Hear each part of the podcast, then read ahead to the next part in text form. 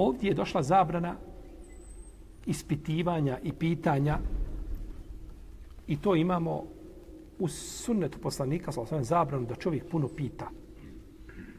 Jer prezire uzvišeni Allah čovjeku da puno pita i raspanje i metka i šta još? Rekla, kazao. Priča, tako. Koja je gubljenje vremena u najmanju ruku. Od zabranjenih pitanja da čovjek pita, jesu pitanja koja se nisu desila i teško je za pretpostaviti da bi se mogla desiti. Ili ako se dešavaju te nešto, to je rijeđe nego rijetko. Pa ispitivati o takvim pitanjima nije dozvoljeno. Nije ispravno. I Selef je znači o tome imao jako negativan, negativan stav. Isto tako ispitivati o detaljima nekakvim u prošlosti, o događajima za koje ne postoji dokaz jasni, nego više djeluje na, na, na gađanje, pa ako potrefiš, potrefiš, ako promašiš i ne može dokazati, niti onaj što kaže jedno, niti onaj što kaže drugo, nema čime dokazivati. I to je problematično u pitanjima koja govore o historijskim događajima. Knjige historije su natrpane razno raznim rivajetima od lažnih, ništavnih, slabih, neosnovanih. To se sve nalazi u knjigama historije. Naše islamske historije, u redu. Mislim, to historija, nekle, nego naša historija. Ali su učenjaci to zabilježili sa lancima prenosilaca. Imam Taberi napisao svoju povijest. I u njoj ima hiljada lažnih hadisa. Hiljada lažnih ne hadisa, nego, nego e, predaja što je bilo u vezi događaja kroz historiju do njegove, do njegove smrti do početka četvrtog hiđarskog stoljeća.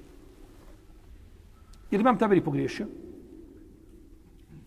Definitivno nije. Dok učenjak napiše lanac prenosilaca i dostaviti predaju, ona zlata vrijedi. Bila sahih, bila daif, bila lažna, ona zlata vrijedi. Ako je sahih, zna se zašto, jasno. Ali ako je lažna, zato da znaš da je šta? Da je to laž. Da to nije bilo. I možeš dokazati da je to laž zato što u tom lancu prenosilaca ima ravija koji je šta? Nepouzdan. Ne samo nepouzdan, nego lažov. I onda dokažeš znači da je takvo pripisivanje tog događaja islamskom umetu je pogrešno i neispravno. Tako da imam Taberi dok je napisao knjigu. Ne znam koliko da lažnih hadisa u njoj ima, on je sebe očistio.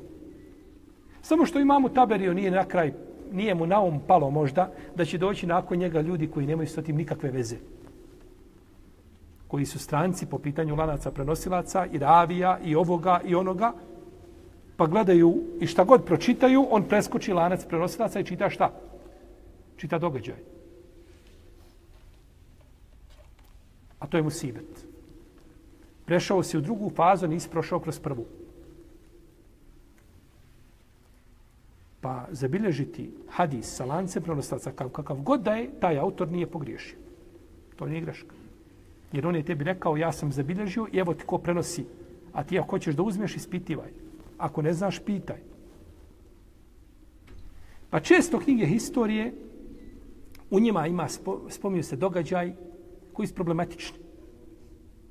Naravno kada je bila fitna vezana za ashabe i tako dalje, tu su belaji. Iz toga čitati knjige historije, treba čovjek dobro biti oprezan i ne mora sve uzimati zdravo za gotovo, ne kažemo da treba izbjegavati. Bože se čovjek među knjigama historije ima jako lijepi knjiga. Od najljepših knjiga su El Bidaju Nihaj od imama Ibn Kesira.